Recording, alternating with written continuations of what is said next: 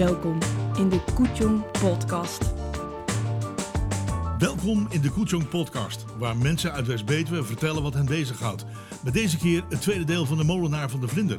De gouden tips van Karel van Koppen. De tweets die het misschien niet haalden, maar waarvan Erik Burgers er nog steeds de moeite waard van vindt om naar te luisteren. En een prachtgesprek met Paul Salome vanwege zijn afscheid als huisarts in Geldermalsen. Wim Timmermans heeft even vrijgenomen, dus we zijn wat eerder klaar, maar het is er echt niet minder om. Mijn naam is Jan de Geus, laten we maar snel beginnen.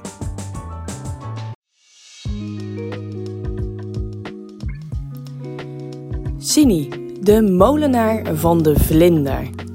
In deel 1 stonden we uitgebreid stil bij uh, jou, Sini, als uh, molenaar. Dan op een gegeven moment verdiep je je ook een beetje in de geschiedenis van zo'n molen de Vlinder. En dat is dan wel heel aardig, want er was een, uh, meneer van de historische kring hier uit Beest. Ja. Die, die, kwam, die bezocht mij een keer op de molen. Uiteraard. En die zei van, moet je luisteren, hij zegt... Weet je wat ik gevonden heb? Ik, ik heb een procesverbaal gelezen uit 1600.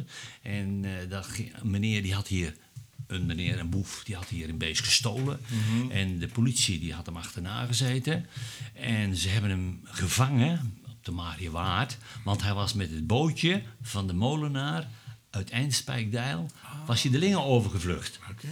En uit dat artikel, uit dat procesverbaal, bleek dus dat in 16 zoveel ja, nee, ga, ga rustig door. Dat is, uh... in 16 zoveel al een molen gestaan moet hebben. Ja. Het verhaal wil dat die molen is uh, afgebrand. Dat gebeurde vaak. Hè? Ja, dat gebeurde vaak. Die eerste molen is waarschijnlijk door een zware storm omgewaaid. Oh. Toen hebben ze daar een wipmolen, een wipkorenmolen. Dat is een molen met zo'n piramidevormig Ja. onderhuis. Waar dan de molenstenen in liggen om graan te malen.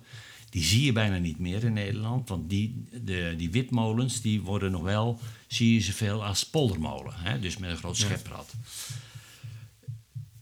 Maar die molen, de, en die, vanaf 1850 is die molen in de handen van de familie De Heus gekomen. Hè? En de, die hebben verschillende generaties hebben ze in die molen een meel gemaakt. En in 1912, toen brandde de, wipwater, de wipmolen mm -hmm. tot de grond toe af. Ach, toen heeft de familie De Heus één foute beslissing gemaakt. Tenminste, niet Nee. opzicht voor de molens. Maar toen hebben ze nog een nieuwe stenen molen laten bouwen in Deil. En die molen, die, uh, die hebben ze dan... Die zijn wat hoger stenen molens. Hè? Die kun je meerdere verdiepingen maken. En dan kon je met de wieken boven de, boven de bomen van de Mariawaard uitkomen. En de omgeving, die ontvangt dan meer wind. Ja. Alleen in 1912 toen was er natuurlijk al, waren er al heel veel molens afgebroken in Nederland. Want die moesten al concurreren tegen elektriciteit Ja. en tegen de meelfabrieken. Eh, dus ja, de familie De Heus had in die tijd waarschijnlijk beter een ander vak kunnen gaan kiezen. maar die, de- Gelukkig de- hebben ze dat niet gedaan. Nee, de gedachte was van ja, maar mijn zoon die zit ook eh, pas in het bedrijf. Dus we, we gaan toch nog een nieuwe molen bouwen. Ja. Nou, veel geluk had die familie de Heus niet. Want in 1930, in 1931 brandde hij weer tot de grond toe af. Nou, dat was de nekslag, want eh, toen heeft de, de Heus heeft toen eh, de molenaar van Asperen, Gredesse heette die geloof ik, Ja. die heeft hem omgepraat. Hij zegt, want ja, wij moeten zoveel molens slopen, hè, die niet meer gebruikt worden. Wij kunnen met de onderdelen van de molen van Heukelum, kunnen wij die molen van jou nog wel weer opbouwen. Hè? En toen heeft hij zich laten verleiden om daar ja tegen te zeggen. En wat gebeurde nu als die molenaar, of de molenmaker, zijn duimstok bij hem had gehad? Ja. Dan had hij geweten, had hij kunnen weten dat die kap van de molen van Heukelum groter was als de kap van de, van de wat nu dus de vlinder heet. Hè? En eh, nou ja, dat geeft niks, want dan halen we een stukje van de muren af. dus die molen is korter geworden. Ja. En omdat die korter geworden is, moest er een stuk van de wiek afgezaagd worden. En omdat de verdiepingen niet meer op de goede plek zaten, toen moesten ook de molenstenen naar een andere verdieping verhuisd worden. Nou, het jaartal waar het over gaat was 1931. Nou, wij leerden met geschiedenis, dat waren crisisjaren. Dus eh, toen kon de molenaar de rekening niet betalen. En dat was eh, natuurlijk heel vervelend, want toen ging hij failliet. En toen is de molen aan een opkoper verkocht. En die hebben hem gehad tot 1950. En de familie De Heus is met de hele familie vertrokken. Ja. Naar Amerika. Want als je vroeger in een dorp failliet ging, iedereen Ja. kreeg nog geld van je. werden er steeds aan herinnerd natuurlijk. Schade en schande. Ja. Ja. Maar het leuke is wel dat een eh, jaar of zeven, acht geleden, toen is er nog een nazaat van, de, van die familie De Heus. Is bij mij op de molen geweest. Die had hier nog eh, familie. Hij zit, die kende de verhalen van zijn grootvader. Die in, Amerika steeds vertelde over de molen. de molen, de vlinder, zeg maar. En eh, nou, dat, dat was er wel heel emotioneel, want die man die, Ja. die had die molen nog nooit gezien. En toen kwam hij bij mij. Hij zegt, "Ah, die molen ziet er precies zo uit zoals mijn overgrootvader het me steeds vertelde. Toen ik nog een klein jongetje was. Dus dat was wel eh, een leuke ervaring. Nou ja, Waarom hebben ze dat nou gefixt met die kap die veel te groot was? Dat hebben ze echt daadwerkelijk gewoon een beetje van de muur afgehaald. Ja, ze hebben gewoon een paar meter van de muur afgehaald. En toen dan blijkt dus dat de indeling van de molen niet meer klopt. Nee. En moest daar weer iets aan gebeuren. Dus uiteindelijk werd het allemaal veel te duur. En ook niet.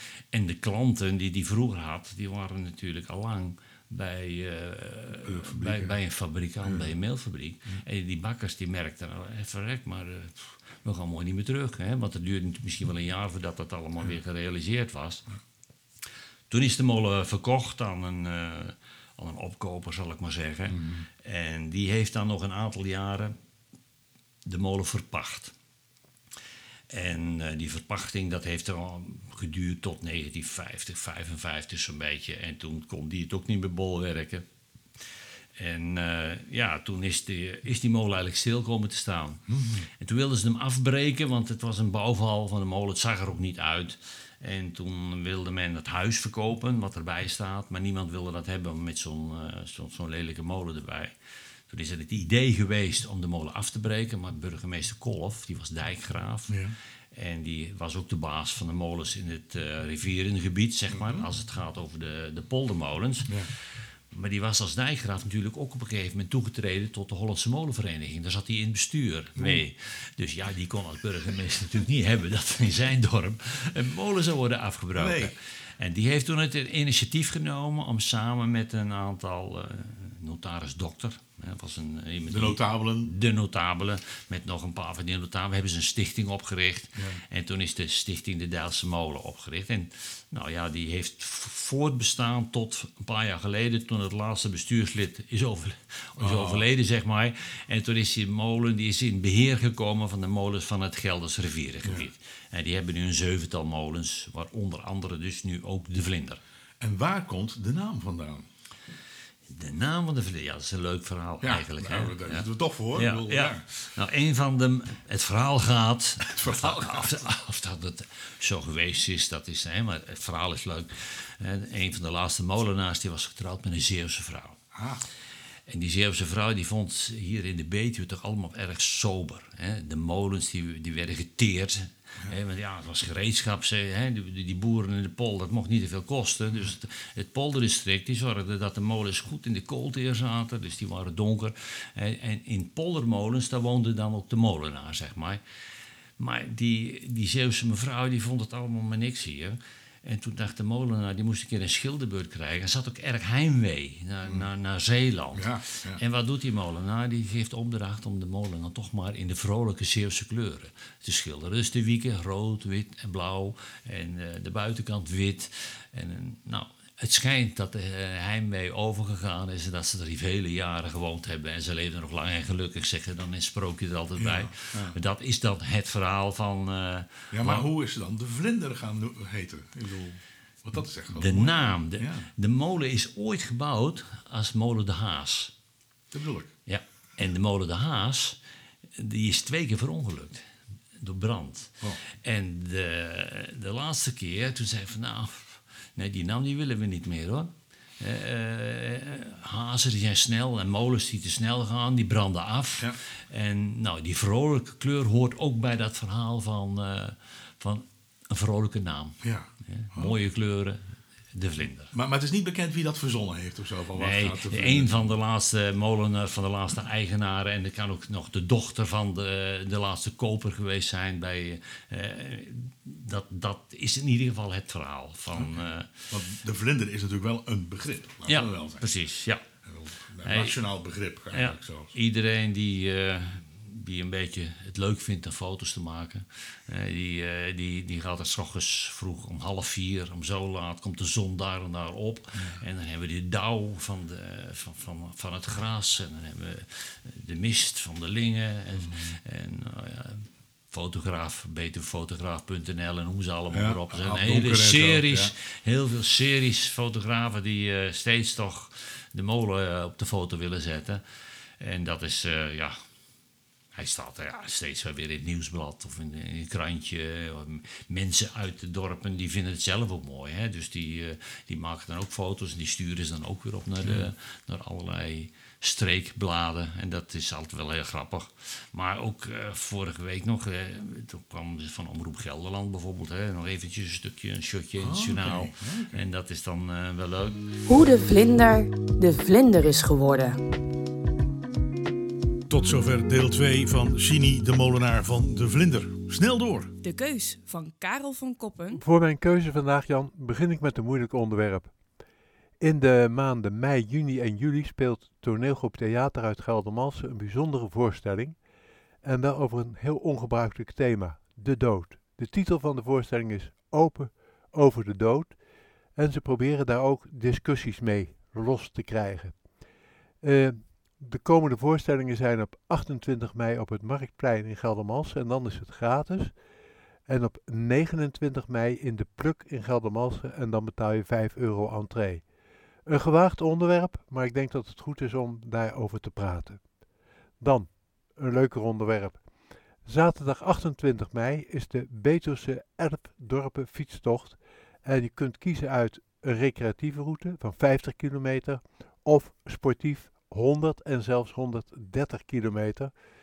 Eh, het is een prachtige fietstocht door het meest westelijke deel van de Betuwe. Je komt natuurlijk langs de Lingen, de Lek, de Waal. Eh, je gaat door alle dorpen als je de grote afstand doet eh, van West-Betuwe. Inschrijven, start en finish en douchegelegenheid zijn in het dorpshuis de Betuwepoort in Renoy. Dan, iets rustiger. Kunstenaars van Waardart exposeren in Ravensijn. Ze hebben daar een gevarieerde en kleurrijke expositie ingericht. En je kunt er dagelijks naartoe om te gaan kijken wanneer Ravenstein open is. Dus zeg maar van 10 tot 5. Ravenstein ligt aan de Wiek 11 in Geldermalsen. Over Geldermalsen gesproken, er komt weer een dorpsquiz op zaterdag 4 juni. Je kunt je nog inschrijven, deelname kost 20 euro per team. Een andere fietsroute. Eh, niet op één dag, maar gewoon langer bestaand. Het is een fietsroute langs deelnemers aan Betuwse producten die daar te koop zijn. Je ziet dus en de Betuwse omgeving en je kunt tegelijkertijd kennis maken met de producten van deze duurzame aanbieders. Eh, de route die is uitgestippeld gaat langs zes van deze aanbieders en je fietst er zo'n 2, 2,5 uur over. Dan, we hebben een stuk UNESCO erfgoed hier in onze West-Betuwe liggen, maar eigenlijk weten heel weinig mensen daar voldoende van af. Daarom even de focus op Geofort. Geofort, daar draait alles om de aarde. En iedere zaterdag en zondag is het geopend van 11 tot 5 en in de vakanties ook op andere dagen. Kinderen kunnen zich hier uitleven met Minecraft, met een tocht naar het binnenste van de aarde, met een speeltuin. En het leuke is, volwassenen gaan er naartoe voor de kinderen. En wie zijn er uiteindelijk niet weg te staan? Precies, de volwassenen. Je vindt Geofort aan de Nieuwe Steeg 74, officieel in Herwijnen, maar het ligt eigenlijk heel dicht bij Fort Asperen bij. De Suis daar, en dan even naar links en dan ben je er eigenlijk al. Eh, dan, eh, als je iets meer wil weten over Geofort, elke zondag zijn er van half vier tot half vijf historische rondleidingen. Heb je een museumkaartje gekocht, dan kun je zo mee doen, maar je kunt die rondleiding ook eh, gratis, ook los reserveren. Niet gratis, dan moet je er wel voor betalen. Erop uit in de Lingenregio door Karel van Koppen. Paul, welkom aan tafel. Dankjewel. Ehm, aanleiding is ehm, eh, dat je gaat stoppen, dus laten we dan beginnen maar bij het begin. Waar is de liefde vandaan gekomen om, om arts te worden? Ja, ehm, ik had eh, in aanvang had ik eigenlijk niet eens zo'n heel grote liefde voor het vak. Maar het was gewoon eh, pragmatisch. Er was gewoon, eh, ehm, ik wilde geschiedenis gaan studeren of Engels, maar er waren dan ehm, allemaal numerus clausus en numerus fixus in die tijd. En ehm, ik mocht daar dus niet aan beginnen. En Paul Salomé, afscheid van een icoon. nou, toen ging een neef van mij die ging geneeskunde studeren.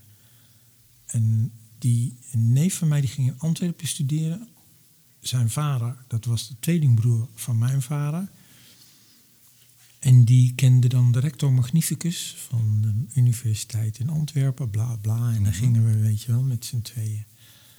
En ehm, ja, ik heb daar, ehm, ben daar begonnen met die studie. Ehm, eigenlijk met eh, gezonde tegenzin, zou ik maar zeggen. Want het was allemaal toch wel veel uit je hoofd leren. En heel veel eh, studieboeken en eh, dikke pathologie en zo.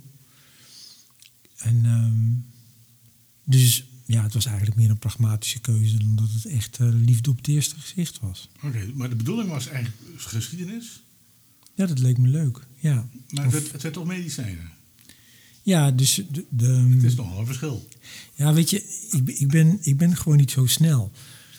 Ik heb eh, eh, mijn middelbare school heb ik een beetje eh, verpest. Dus ik ben. Nee, je was een stapelaar dan, neem ik aan. ehm, Zoals dat tegenwoordig heet. ja, nou ja, ja, precies. Als ze dat zo noemen, dan ben ik dat zeker geweest. Ja. Ja. En dat klinkt toch beter dan verpest. Ik bedoel. Nou ja, goed. Ja, ik, precies. Ik heb hem mijn best gedaan, laat ik Ah. maar zo zeggen. En eh, ben dus op de HAVO terechtgekomen. Toen moest ik naar de MAVO, omdat ik dus eh, onvoldoende cijfers had. En Mhm, op de MAVO heb ik dan, dat, dat was dan de MAVO in Geldermalsen. mhm. Ehm, nou, de boel goed op zijn gat gezet en zo. En samen met een aantal vrienden ehm, uiteindelijk dan toch geslaagd. En met zoveel punten dat ik dan naar, naar de HAVO toe mocht. Mhm. En toen ben ik naar de ORSG, nee, in, in Tiel gegaan. Ja. En daar heb ik ehm, mijn HAVO gedaan. En daar had ik zoveel punten dat ik naar het VWO kon. Ik denk van nou laat ik dan maar het VWO er ook maar bij pakken. Ja. Want anders dan eh, kan ik misschien toch nog niet alles. En eh, dus toen heb ik het VWO gedaan. En ehm, toen kwam dus die keuze. Van, Ja. ja. wat ga je nou Altijd doen? die keuze. Ja, Ja. en ik ben echt ontzettend goed in keuzes. Ja. Maar goed, het waren twee keuzes tegelijkertijd. Het was en medicijn en, en Antwerpen. Ik bedoel.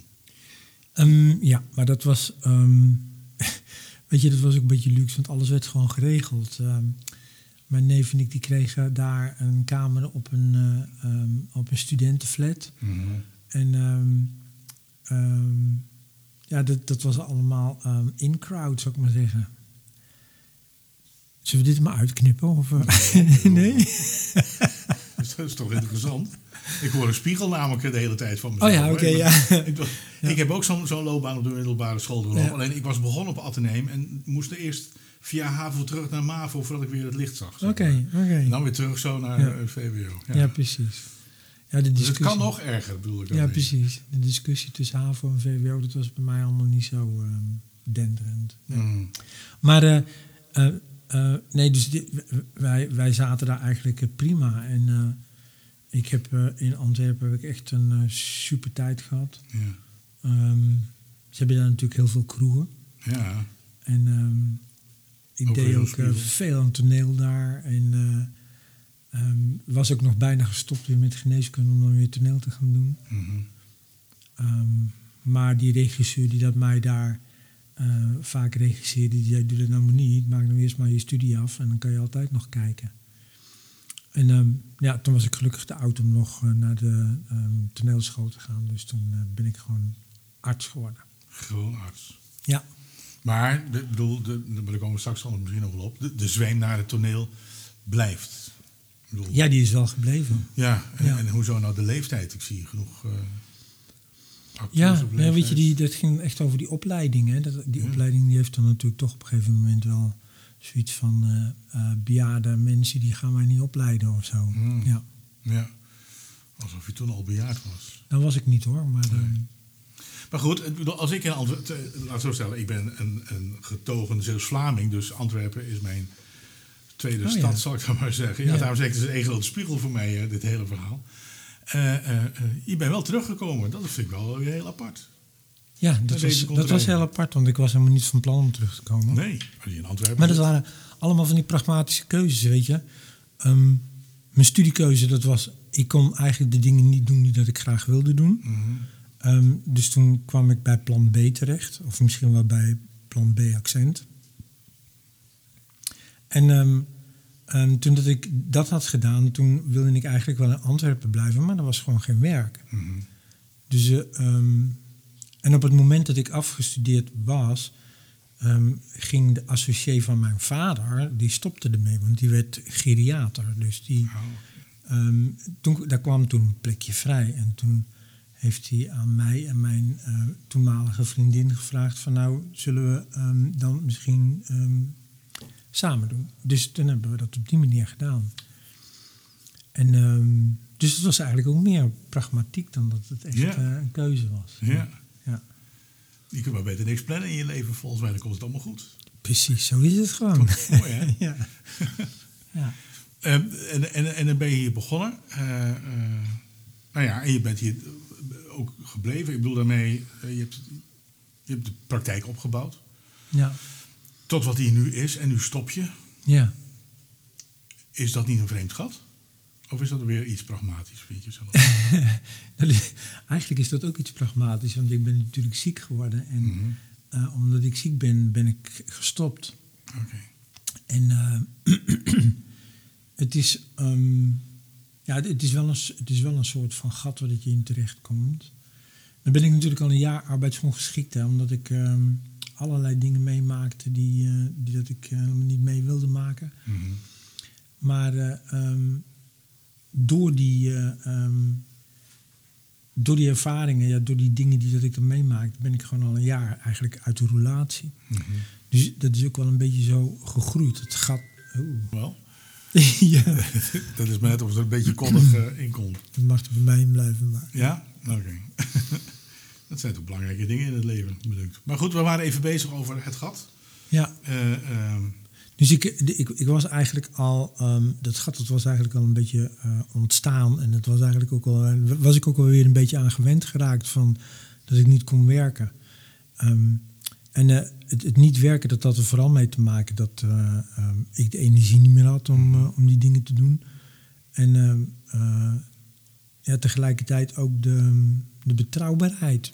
Ik was niet meer, ik kon niet goed afspraken maken of zo, want ik maakte zoveel rare dingen mee dat, eh, ehm, dat ik echt eh, eigenlijk niet meer wist wat de voor- en de achterkant was. Van. Mhm.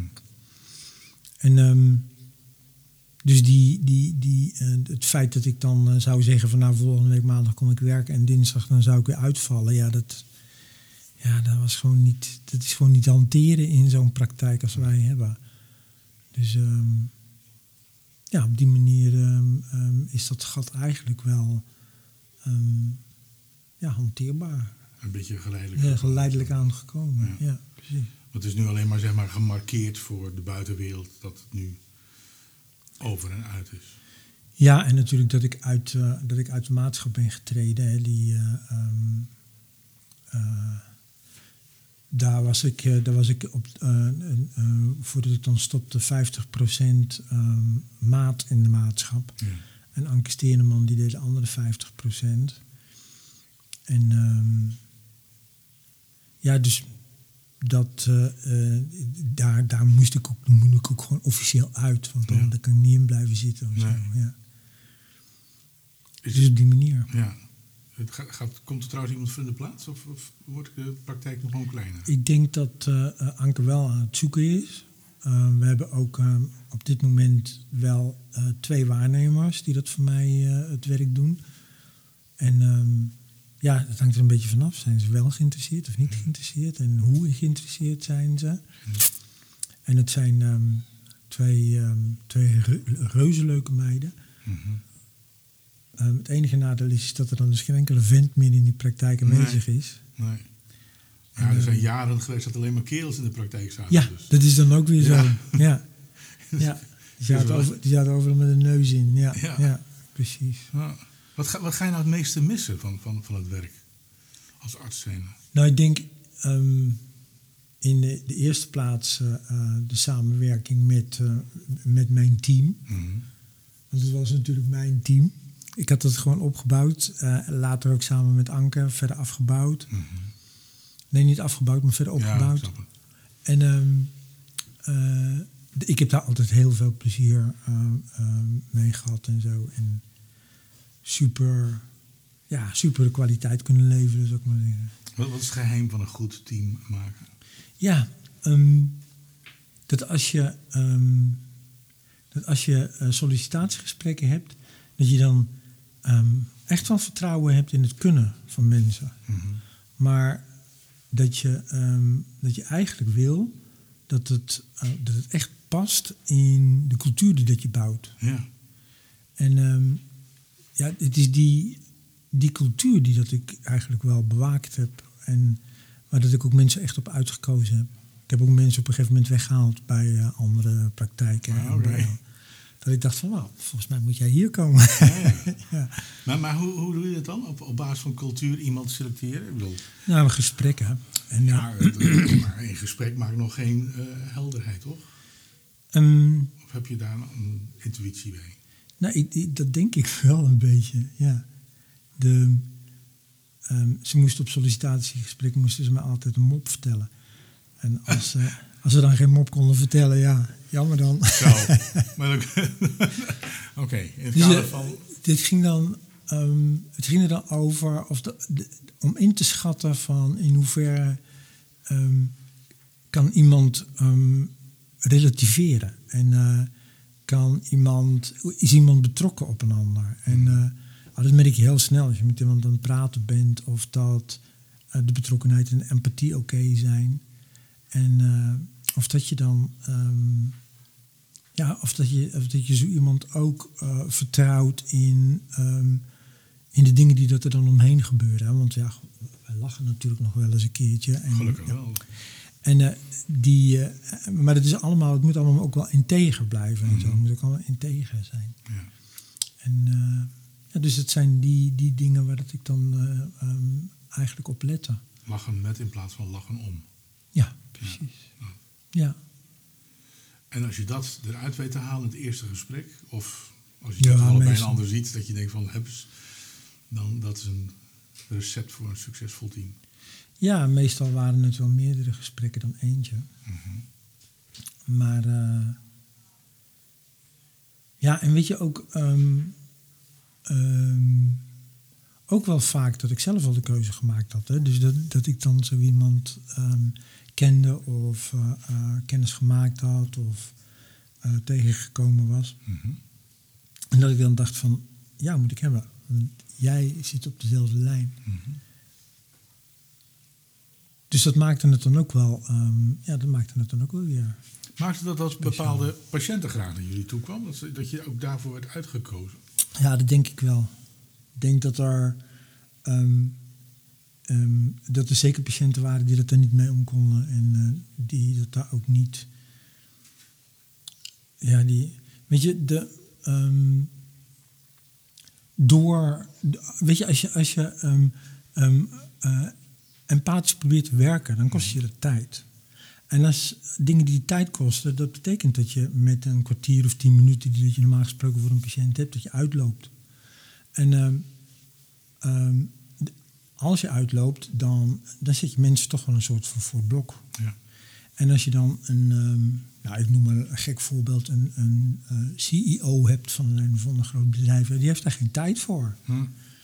En die heeft ook geen behoefte aan empathie, Oh, denk ik. is niet best.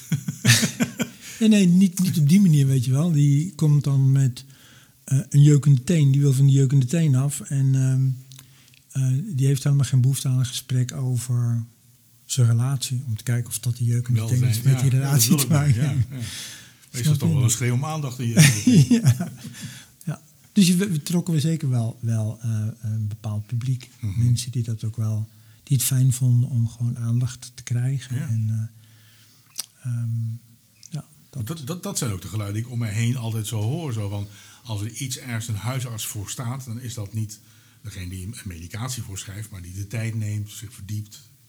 ja. Het oude beeld, zal ik maar zeggen. Van, eh, De schrijvers van vroeger. Ja, dat is zo. En ehm, dat is wel iets wat, wat kenmerkend was in de tijd dat ik er werkte. Kijk, ehm, Is dat nu anders, vind je? ja, dat zou best kunnen zijn dat dat verandert. Dat, dat, Zou best kunnen zijn. zou bedoel, kunnen je, hebt, je hebt het meegemaakt. Is, is het veranderd? Nou, zolang als ik er werkte niet, want Nee. ik eh, liep gewoon uit. en, eh, Ik ken maar diezelfde leuke mensen. Ja, en ik ging ook eh, ehm, vaak genoeg eh, ehm, de overvolle spreekkamer in met de mededeling van de overvolle wachtkamer in met de mededeling van sorry, ik lijk de NS wel, ben weer uitgelopen, weet je wel, Mhm. dat soort dingen. Ja. Ehm, maar ja, weet je, de- de- i- iedere arts heeft natuurlijk gewoon zijn eigen, zijn eigen ding. Dus als Anke ehm, associeert met iemand, ehm, en Anke is wat dat betreft toch wat minder, eh, ehm, die, eh, hoe moet je dat zeggen, die is, die, die is wat preciezer dan ik. Ja. De, let gewoon wat min, meer op de, eh, op de tijd Mhm. dan dat ik dat deed. Ja. En dat heeft, dat heeft zijn voordelen. Ja. voor, voor mensen is dat natuurlijk ook wel heel fijn. Ja. De rekkelijke en de precieze, dat was een beetje dan jullie... Nou, dat was een, dat was een hele goede aanvulling, weet je wel. Eh, ehm, als je chaos creëert, dan moet er iemand zijn die die chaos opruimt. Nou, zo ongeveer. Mo- Mooi is dat. Eh, eh, naast arts ben je, want die liefde van toneel eh, eh, kwam natuurlijk niet zomaar ergens vandaan. Dat zit ergens in je, neem ik aan, het creatieve. ja, ja. De, ehm, ik kan me herinneren dat ik op de middelbare school ook ehm, een stuk deed. En ehm, toneelstukken maakte. En eh, ik heb dat eigenlijk gewoon altijd gedaan, dat soort dingen. Ehm, graag zingen, eh, liedjes maken. eh, Ja, dus ja, ik heb dat eigenlijk altijd wel gehad. En een Ja. boek. Een boek? Ja, schrijven. Ehm, ja, misschien ooit nog wel eens. Ja. ja. En wat zou je dan mee willen geven aan de lezer? Waarvan je zegt van nou, Als thema.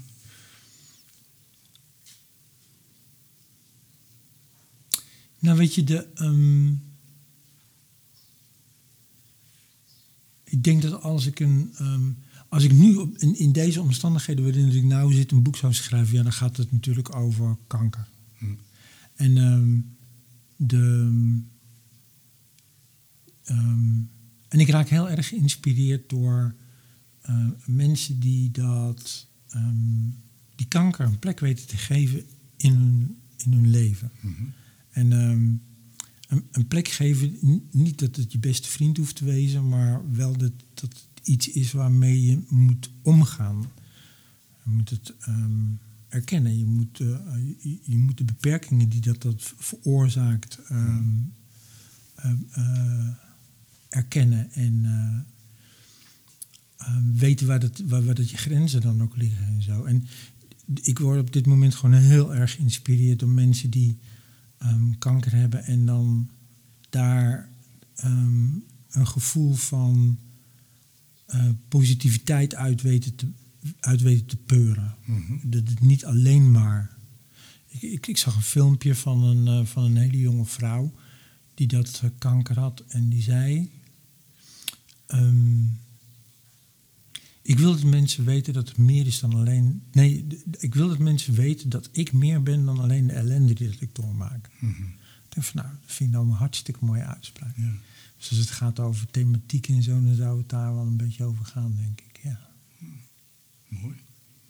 Wat weerhoudt je? Ehm, bescheidenheid, denk ik. Ik denk niet dat ik. Ik zie mijzelf niet echt als een, als een schrijver. Dat mag ook een gedicht zijn, of een toneelstuk, of, of anderszins. Dat maakt mij...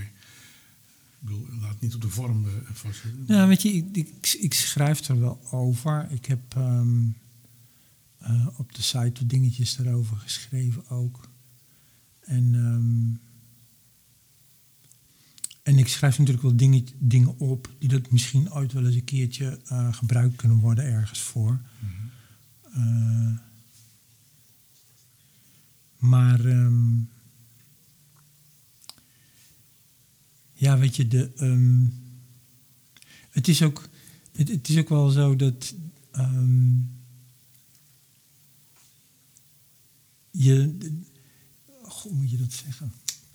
Je, je loopt er niet mee te koop of zo. Nee, hè? nee. Het is niet iets waarvan dat je denkt van nou. eh, ik praat er heel openlijk over. hè. Ik vind het heel belangrijk dat, we dat we erover kunnen communiceren. Ja, daarom vind ik het ook goed om dat ook nu te doen. Ja. zeg maar. Ja, Ter inspiratie voor andere mensen. Ja. Bedoel, jij laat je inspireren door mensen, maar met- je inspireert ook mensen. Dus vandaar. ja.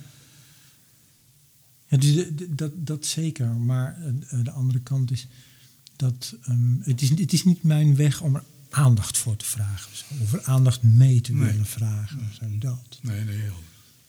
Want dan zou het ook niet inspirerend zijn. Nee, ja, precies. Ja, ja dat dat is is zo. eigenlijk Ja. het inspirerend Ja. zijn. Ja. Ja, daarom dacht ik er zo aan, zo van, goh, Ja. goh. Goh. ja. Ja. Ja, dus het is. ehm, ja, ik vind de. de ehm, ehm, weet je, de, de, de ziekte die ik doormaak, die is echt gewoon kloten. Mhm.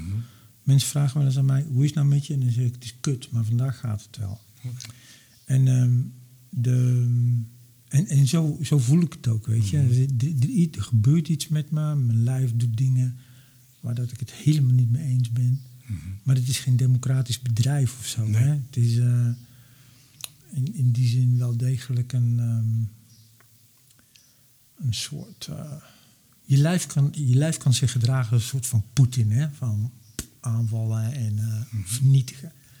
En dat is, dat is toch wel raar als dat in je lijf gebeurt. Dat je denkt, van, nou, Hoe is dat dan als, want je, je bent arts, je bent opgeleid om mensen te helpen te genezen en dan loop je met zoiets rond. Hoe, hoe is dat dan? ja, ik, ik zit nou aan de andere kant van de tafel. ja, hè? daarom. Dus, Ja. En eh, die, ehm, die andere kant, dat is, ik vind het wel, eh, ik vind het soms wel verwarrend. Want er zijn, er zijn in, ehm, in de contacten die dat ik heb en de dingen die dat ik meemaak. Weet je, ik, ik ben natuurlijk huisarts, dus ik ben algemeen opgeleid. En eh, ehm, waar dat ik goed in ben, dat is in eh, eh, communicatie, dus in eerste lijns geneeskunde. En dan loop ik ineens in een wereld met ehm, apparaten en onderzoeken, waar dat ik nog nooit van gehoord heb. En, dus eh, ik maak dingen mee en denk ik van wow, ik wist niet dat dit bestond. Weet je wel? Dat heb ik met patiënten aangedaan. ja, ja, ja. En eh, dus die, die, die, die wereld, dat is echt, eh, dat is, dat is mijn wereld niet. Nee. Maar eh, dat is het ondertussen wel geworden. Ja. Ik, ben, ik maak er nou wel onderdeel van uit. En weet je, de, ehm, waar ik dan tegenaan loop als, als eerste lijnsarts die dat, die, dat, eh, die dat communiceert met mensen, loop ik aan tegen ehm, specialisten die dat dingen voor waar aannemen en vervolgens dat poneren. En eh, ehm, daar is dus geen discussie over of zo. Ik hoef niet met die mensen te discussiëren, maar ik wil wel weten. ehm, ik wil wel weten dat zij weten wat het met mij doet. Ja. En, en, en, en dat is gewoon heel vaak niet zo. Nee. Ik heb, ehm, ik heb ook, ehm, omdat het corona was, heb ik ook best wel. eh, ehm, eh, daar, daar heb ik nare gevolgen van, eh, van meegemaakt. Omdat ze in Utrecht mij niet konden opereren, omdat ze geen anesthesist hadden. Want die waren allemaal op de IC bezig met coronamensen. Mhm. En eh, ik had een uitzaaiing in mijn lever zitten van een darmkanker die dat ik eerder had gehad. En die was drie centimeter. En die drie centimeter, dat is een hele mooie maat. een mooie maat. Om, ehm, eh, om dat weg te laten branden. Ja. En, eh, maar dat ging dus niet. Dus ik moest wachten, wachten, wachten, wachten. En die tumor die wachtte niet mee. Dus die groeide, groeide, groeide, groeide. Toen was op een gegeven moment twee keer zo groot. Mhm. En toen dacht ik van, nou jongens, dit is gewoon te gek, weet je wel. Dan loop ik hier zo... En, en dat overkwam mij niet alleen. Dat Nee. overkwam een heleboel mensen die dat eh, eigenlijk zaten te wachten op... Ja, toch wel cruciale operaties. ja. En nog, En nog, as we speak. maar de, de, de, ik ben toen, naar, ik- toen ben ik naar Antwerpen gegaan. Ik had daar natuurlijk gestudeerd. Ik kende Ja. daar ook nog wel wat mensen. Ja. En ehm, daar, eh, ehm, ja, daar zijn ze dan toch wat minder scheiterig of zo. Of, eh, daar geven ze ook meer ehm, blijkbaar meer geld uit aan, eh, aan, de- aan de gezondheidszorg. Want ze hebben daar gewoon veel meer capaciteit. Terwijl Ja. dat België een kleiner land is dan Nederland. Ja.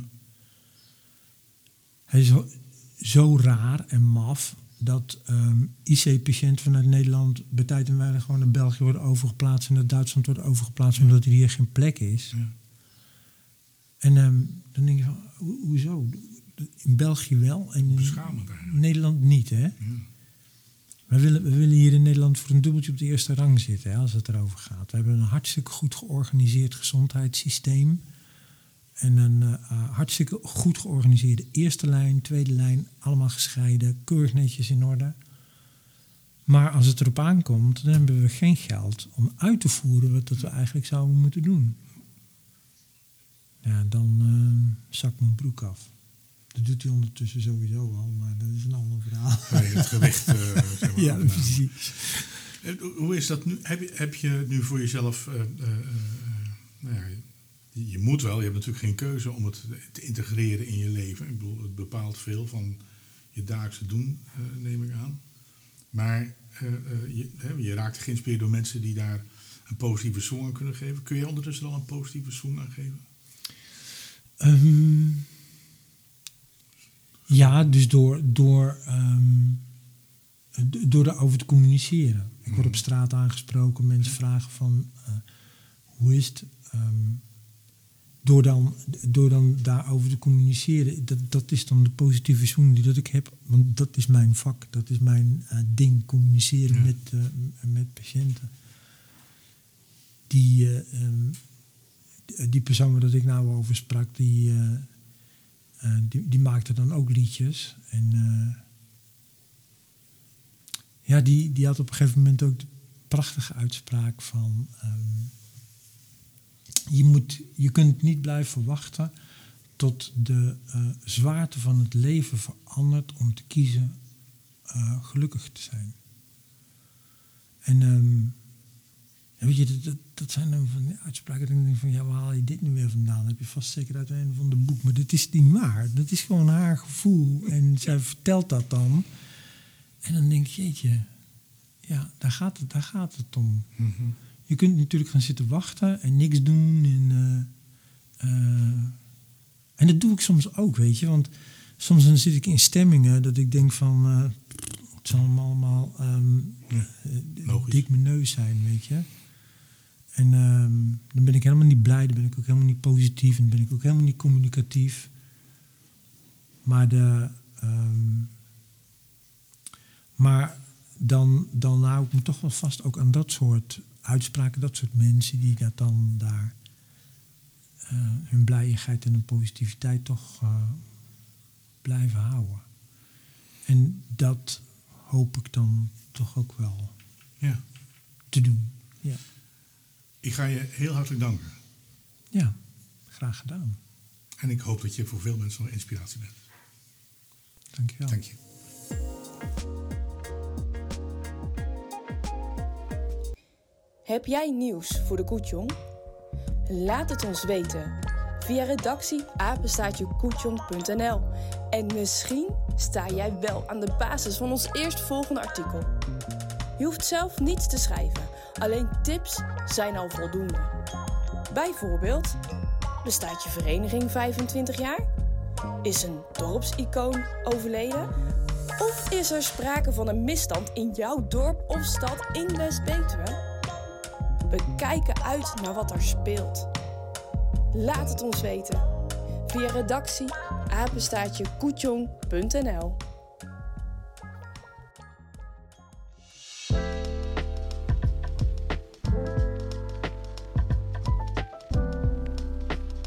De tweet van de week. Hier is Erik Burgers. Ja, zijn we weer. Ik heb een, eh, een aantal tweets weten te verzamelen die, eh, die helaas net niet meer mee konden in eh, de versie van eh, de Koetjong. Ehm, een aantal tweetjes die, eh, die ik toch wel interessant genoeg vond eh, om hier even te melden. En, maar vanwege ruimtegebrek en dat soort dingetjes eigenlijk net niet meer in de online versie mee konden. De eerste tweet is een, een tweetje van Maas Michiel. Ehm, die wordt een beetje gek van de regeldrift van de overheid. Tax op vlees, dieseltabak, alcohol, etc. Als het zogenaamde goederendrag nou eens beloond zou worden in plaats van straffen uitdelen. Uh, nou, dat is inderdaad uh, iets wat je wel, wel meer voorbij ziet komen. Hè. Ik bedoel, uh, waarom altijd van negatief benaderen? Ik bedoel, kijk ook eens dat je de dingen die de mensen goed doen, of zeg maar die je graag zou willen zien, beloond worden in plaats van ja, straffen op dingen die je liever niet ziet. Wieke Heikoop had nog wel een leuke tweet gedeeld.